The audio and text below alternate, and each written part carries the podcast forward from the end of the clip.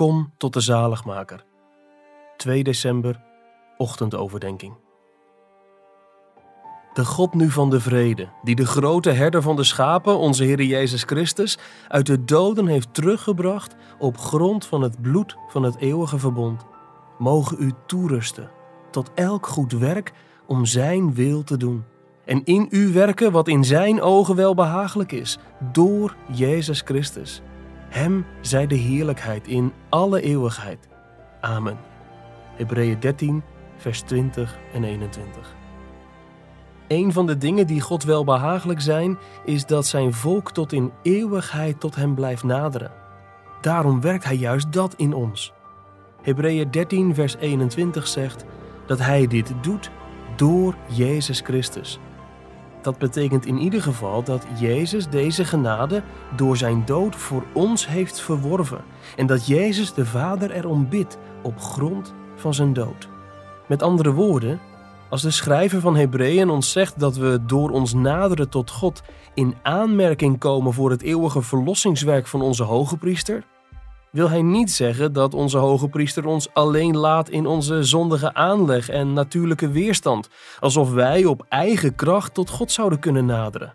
Integendeel, onze hoge priester doet voorbeden voor ons en vraagt de Vader te doen wat hij volgens Hebreeën 13 vers 21 zal doen.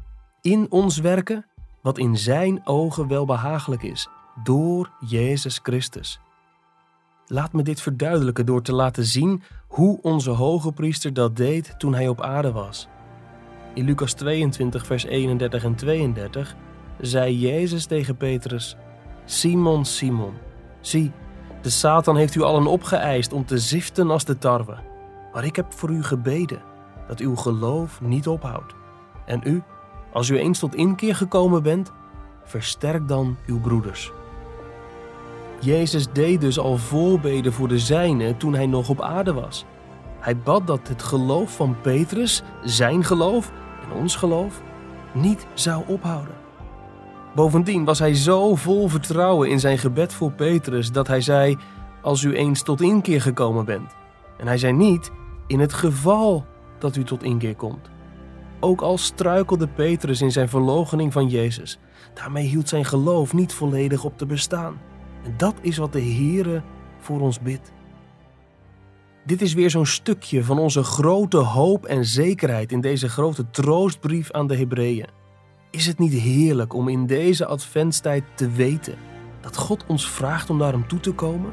Dat deze grote heilige God van gerechtigheid en toorn zegt: Kom naar mij toe, door mijn zoon, jouw hoge priester. Kom naar mij toe. Kom naar mij toe.